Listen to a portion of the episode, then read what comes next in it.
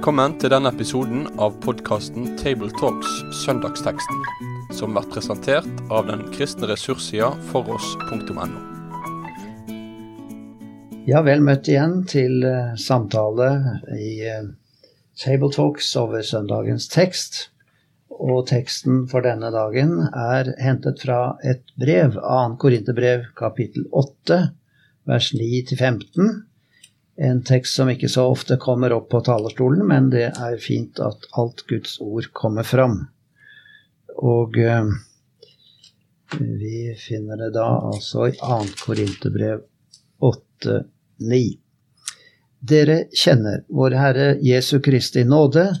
Enda han var rik, ble han fattig for deres skyld, så dere skulle bli rike ved hans fattigdom. Jeg sier min mening om dette, og det kan være nyttig for dere. Dere begynte så godt i fjor og viste i handling at dere virkelig ville dette. Nå gjelder det å fullføre. Som dere villig gikk i gang med, må dere nå villig sluttføre alt etter evne. For når den gode viljen er til stede, skal den verdsettes etter det en har, og ikke det en ikke har. Det er jo ikke meningen at andre skal få hjelp og dere ha det trangt, men det skal være likhet. Denne gangen har dere overflod og kan hjelpe dem som lider nød. En annen gang har de overflod og kan hjelpe dere når dere lider nød. Da blir det likhet, slik det står skrevet. Den som fikk mye, hadde ingen overflod, og den som fikk lite led ingen mangel. Ja, altså Paulus snakker om eh, noe konkret her, og det er hjelpetjeneste overfor eh, kristne søsken.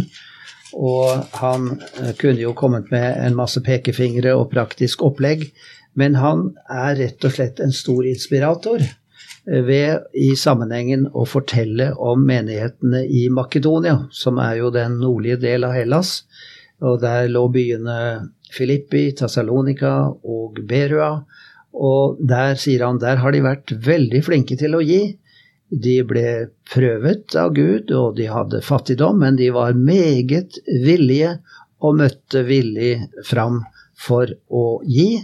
Ja, de ba inntrengende om å få være med i innsamlingen. Og så har han nå altså en appell til menigheten i Korint, at nå må dere se om dere kan følge opp denne inspirasjonen. Eh, og han har da mye å si til eh, lærdom også for oss som taler til kristne brødre om det kristne livet. Ja, hva sier dere, brødre? Her er altså Svein Granrud og Egil Sjåstad og jeg, Asbjørn Kvalbein, som er samla nå. Har du noe, Egil, synspunkter på denne teksten? I heimen vår bruker vi hver jul en eh, ja, hva kalles det, et oppslag på veggen med sitat fra kapittel 8 her, vers 9. Han som var rik, ble fattig for at dere ved hans fattigdom skulle bli rike. Så dette var et julebudskap, og er det da for oss? Samtidig har det en dimensjon i seg at det sikter også til Jesu fornedrelse på korset. Så han blir så ynkelig, fordømt og fattig, og gjennom dette blir vi, rik, blir vi rike. Og når det da gjelder det materielle, så skulle det avspeiles den indre rikdommen vi har fått til. Det er logikken her. Det tenker jeg på. Ja, sånn sett er det jo flott at uh, den teksten som skal prekes over, nettopp begynner med det sentrale. Uh, om vår Herre Jesu Kristi nåde. Der har du liksom det hele. Hans godhet, hans velvilje for oss. Det er det som skal inspirere oss. Om kanskje Makedonia-menigheten hadde gjort en god jobb, så er det ikke det som gir bærekraft til en giverholdning. Det er opptattheten av Jesu nåde. Ja, dette er jo en ny aksjon som, som, den kristne menighet står bak. Det er ikke sånn eh, Folkehjelp eller Røde Kors. Ikke noe galt om det, dem skal vi støtte så godt vi kan. Men her er det altså en kristne menighet som utfordres til å gi fordi de har fått. Og da tenker jeg, som vi har snakket om før i noen av våre samtaler i denne gruppa, hvor viktig det er at det som har med formaninger å gjøre, blir forankret i evangeliet. For det er det som er den store forskjellen på alle gode tiltak.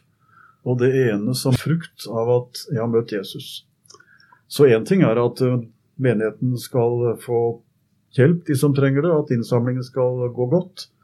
Det er viktig, men det er også viktig at de som gir, får gi på en sånn måte at det blir til velsignelse for dem. Og Det tror jeg vi skal snakke litt om. For ellers, så, som vi har snakket om før, formaningen er viktig nok, men de må alltid ha sin basis i at 'jeg har fått'. Så det er ikke for intet at det verset står først i teksten. At han blir rik, fattig for at vi skal bli rike. kom på en eh, ting nå fra mine heimtrakter. Jeg var liten og hørte far fortelle om en emissær da, fra før jeg ble født, som da var frustrert over at det ble så mye formaninger fra prekestolene eh, til å gi til misjon. Han syntes det ble overdrevet, det der. Og så sa han til sine medpredikanter, sine kolleger, de må preke folket varm, karer, så kommer det pengene. Det der var et uttrykk som eh, faren min stadig brukte. da. Og det er et poeng, da. Eh, Det kan misbrukes alle sånne sitater, men det er et poeng at apostelen også her løfter fram det som virkelig er det største eh, i pulsslaget, altså i en kristen eh, erkjennelse. Det Jesus har gjort. Det salige byttet mellom Jesus og meg. Han blir fattig, jeg blir rik. Der har jeg det som gjør meg varm. Ja, Paulus kunne jo gitt et uh, apostolisk påbud her og legge stor vekt på det, men han sier, eh, har en mening om dette her, sier han vers 10, og det kan være nyttig for dere. Men selv altså, om han bare skal gi en mening, så kan han ikke la være å nevne Kristus og forbildet. Jeg syns også det er flott å tenke på, at det er noe ekte ved at Paulus er så Kristus-sentrert. Og jeg må tenke på det ordet Jesus selv sa da. Det er jo mange sider ved Jesus som viser denne holdningen, men han sa revene har hi, og fuglene har reder, men menneskesønnen har ikke det han kan legge sitt hode mot. Med andre ord, jeg var fattig, virkelig, sier Jesus. Eh, og det var ikke for å skryte, naturligvis, men det, det var mitt kall, det var mitt livssyn, min, min holdning, min oppgave i verden, å leve så enkelt. Og så skal ikke vi eh, følge ham bokstavelig i det. Gud vil gi oss det vi trenger av både bolig og litt av hvert. Men eh, det store er å tenke på Jesus og hans holdning, som var så selvutslettende at det kunne vi alltids prøve oss på. Og Paulus følger opp med å snakke om i Filipperne 2. Han uttømte seg selv, et, et ord som er mye diskutert av teologer hva det egentlig betyr. Kenoselæren, uttømmelse, hva betyr det, hva innebærer det? Det var rett og slett at han var villig til å bli fattig på alle måter av ordet. Det er også tydelig her at Paulus er klar over at den giverinnstillingen, den kan eh, slumre og sovne inn, altså. Så det er nødvendig med en liten sånn vekkertale også. De begynte eh, så Det han skriver om i første Korinterbrev, de begynte med en innsamlingsaksjon, men nå hadde det liksom davra litt. Og så sier han da at 'fullfør nå den gjerningen'. Og Da appellerer han til viljen deres også. De får si det, jeg siterte den emissæren som var skeptisk til for mye formaninger. Ja, det er grøfter på begge sider der også. Det kan, det kan bli så evangelisk at vi tror det kommer av seg sjøl. Vi, Ja, ja. vi er ikke så fromme, så vi trenger konkrete formaninger, og det viser jo Bibelen veldig tydelig. Eh, jeg- Jeg sitter også og tenker på at dette er altså korintermenigheten. Og litt avhengig av hvor god tid vi har når vi preker om det her, så, så tror jeg kanskje jeg ville brukt et par setninger eller litt mer på å beskrive denne menigheten. For det var jo den menigheten Paulus uten samling hadde mest trøbbel med. Særlig hvis vi leser første Korinterbrev og de første kapitlene der, så skjønner vi at denne menigheten den slet med mange ting. Så dette her var ikke Paulus sin mønstermenighet. Det var den menigheten Korint var jo en storby. Efesus og Korint var de liksom store byene i den delen av Romerriket. Aten var en mye mindre og bet- ubetydelig by enn Korint. Det var rikdom, det var kultur, det var masse templer.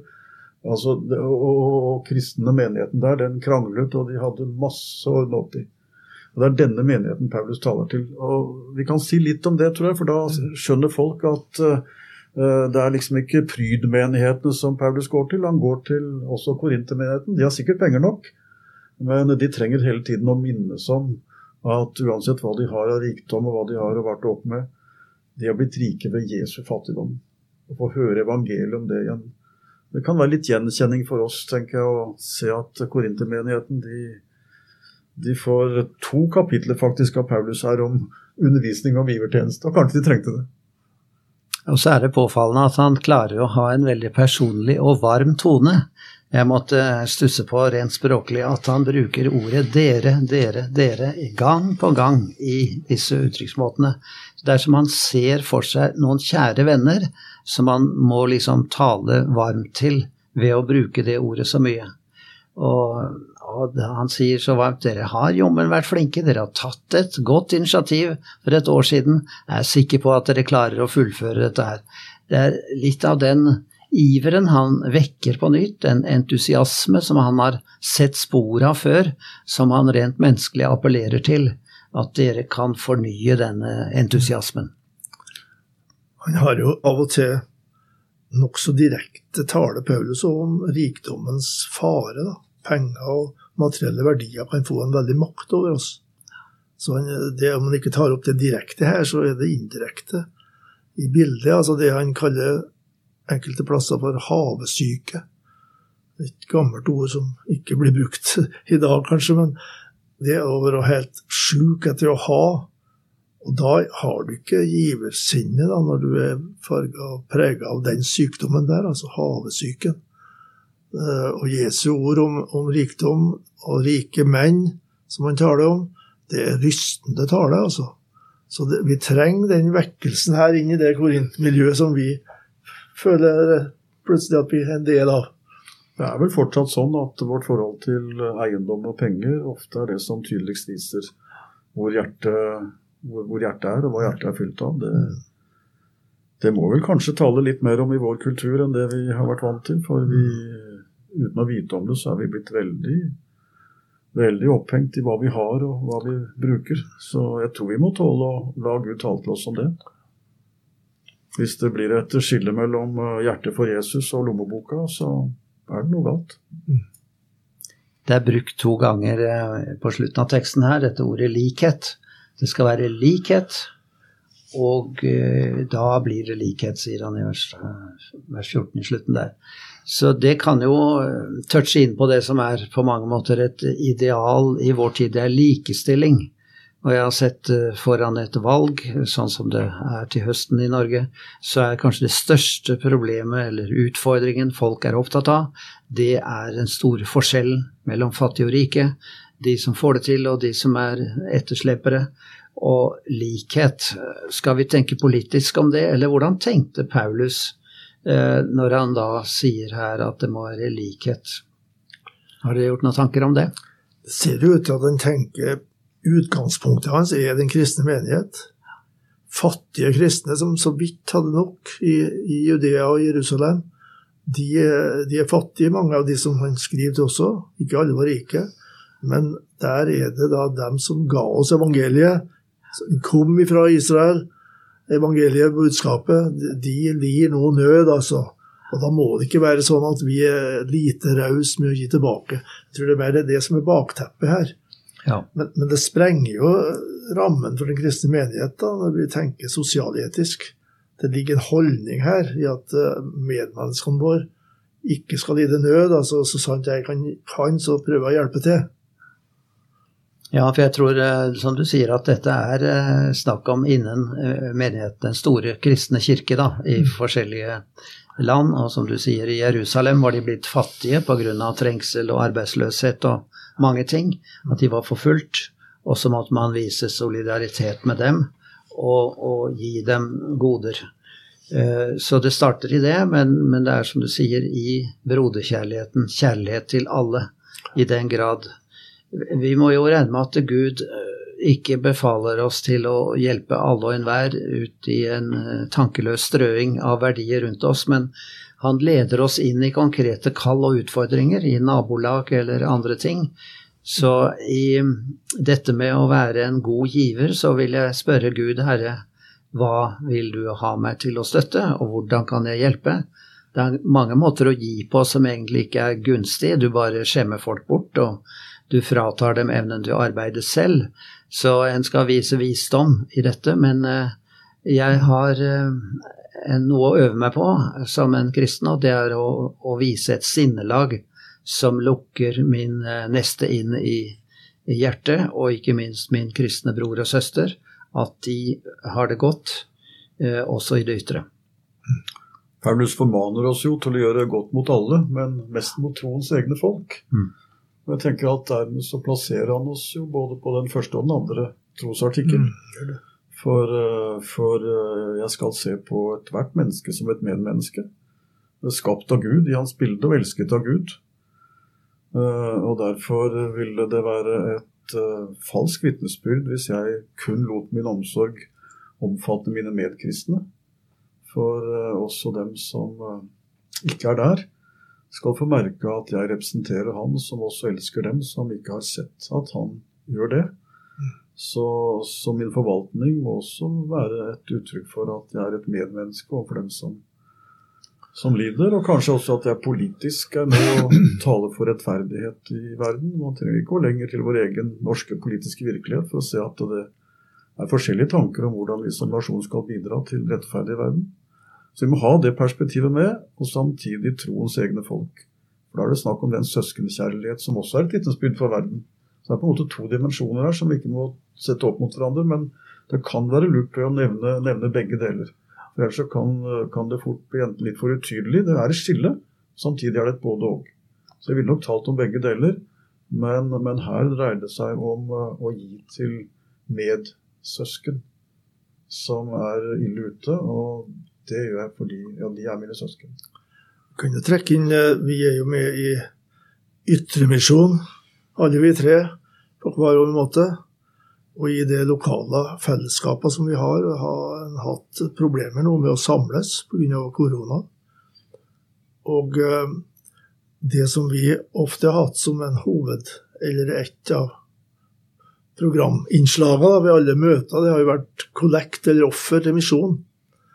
Og nå er det ikke på samme måten. I Enebakk der har vi ei Facebook-side der vi har en andakt av og til. Asbjørn har vært med og preika der. Og så avslutter en den Facebook-sida med et vips nummer og en påminnelse om at her må du ikke slutte å gi til misjonen fordi om vi ikke samles på Misjonshuset. Og det er praktisk eh, og har vært til hjelp for oss. At vi da kommer på det når vi hører gjennom den andakten at nå vil vi ikke nå vil vi fullføre gjerningen, som Paulus sier her. Dette gjelder jo da evangeliet til jordens ender, altså, men det er jo også diakoni i alt dette. Så det er omsorgstjenester. Så vi, vi trenger en liten oppmuntring. Heldigvis så tyder jo mye på at misjonsvennene har i stor grad vært ansvaret sitt bevisst, ja. og det er jo hyggelig å registrere. Det er veldig oppmuntrende. Men så sitter jeg her og tenker på at det er jo menigheten i Jerusalem, og siden du nevner misjonsoppdraget vårt Eh, Egil, så, så, har vi jo også som kristen kirke et misjonsoppdrag overfor Jesu eget folk. Vi skal vitne for dem, har Paulus bedt oss om. Mm. Så uh, nå er det vel primært det at det er en nød i en menighet som gjør at Paulus oppfordrer til innsamling. Men jeg tenker jo at uh, som kristen kirke så har vi til enhver tid ansvar for det folk som, uh, som Jesus kom fra og som skal få høre det evangeliet som de trenger, akkurat som oss, for å være Guds folk når eh, denne tid er omme. Så jeg tror det er lov å nevne det også her, at vi har et oppdrag som kristen menighet overfor Jerusalemsfolket til enhver tid. For det var Jesu eget folk, også kjødelig fysisk sett. Og det å vitne for dem at det er hedningene som gir til dem for at de skal få det de trenger å overleve materielt, det er også et, et av vitnesbyrdene tenker jeg, som vi som hedningekristne kan gi til menigheten i Jerusalem på Paulus sin tid, men også i dag. For å fortelle om at vi som kjenner Jesus, vi eh, henger ikke ut jødene som noen som opp gjennom historien har begått gale ting, men et folk som vi ønsker å elske fordi de er elsket av Gud.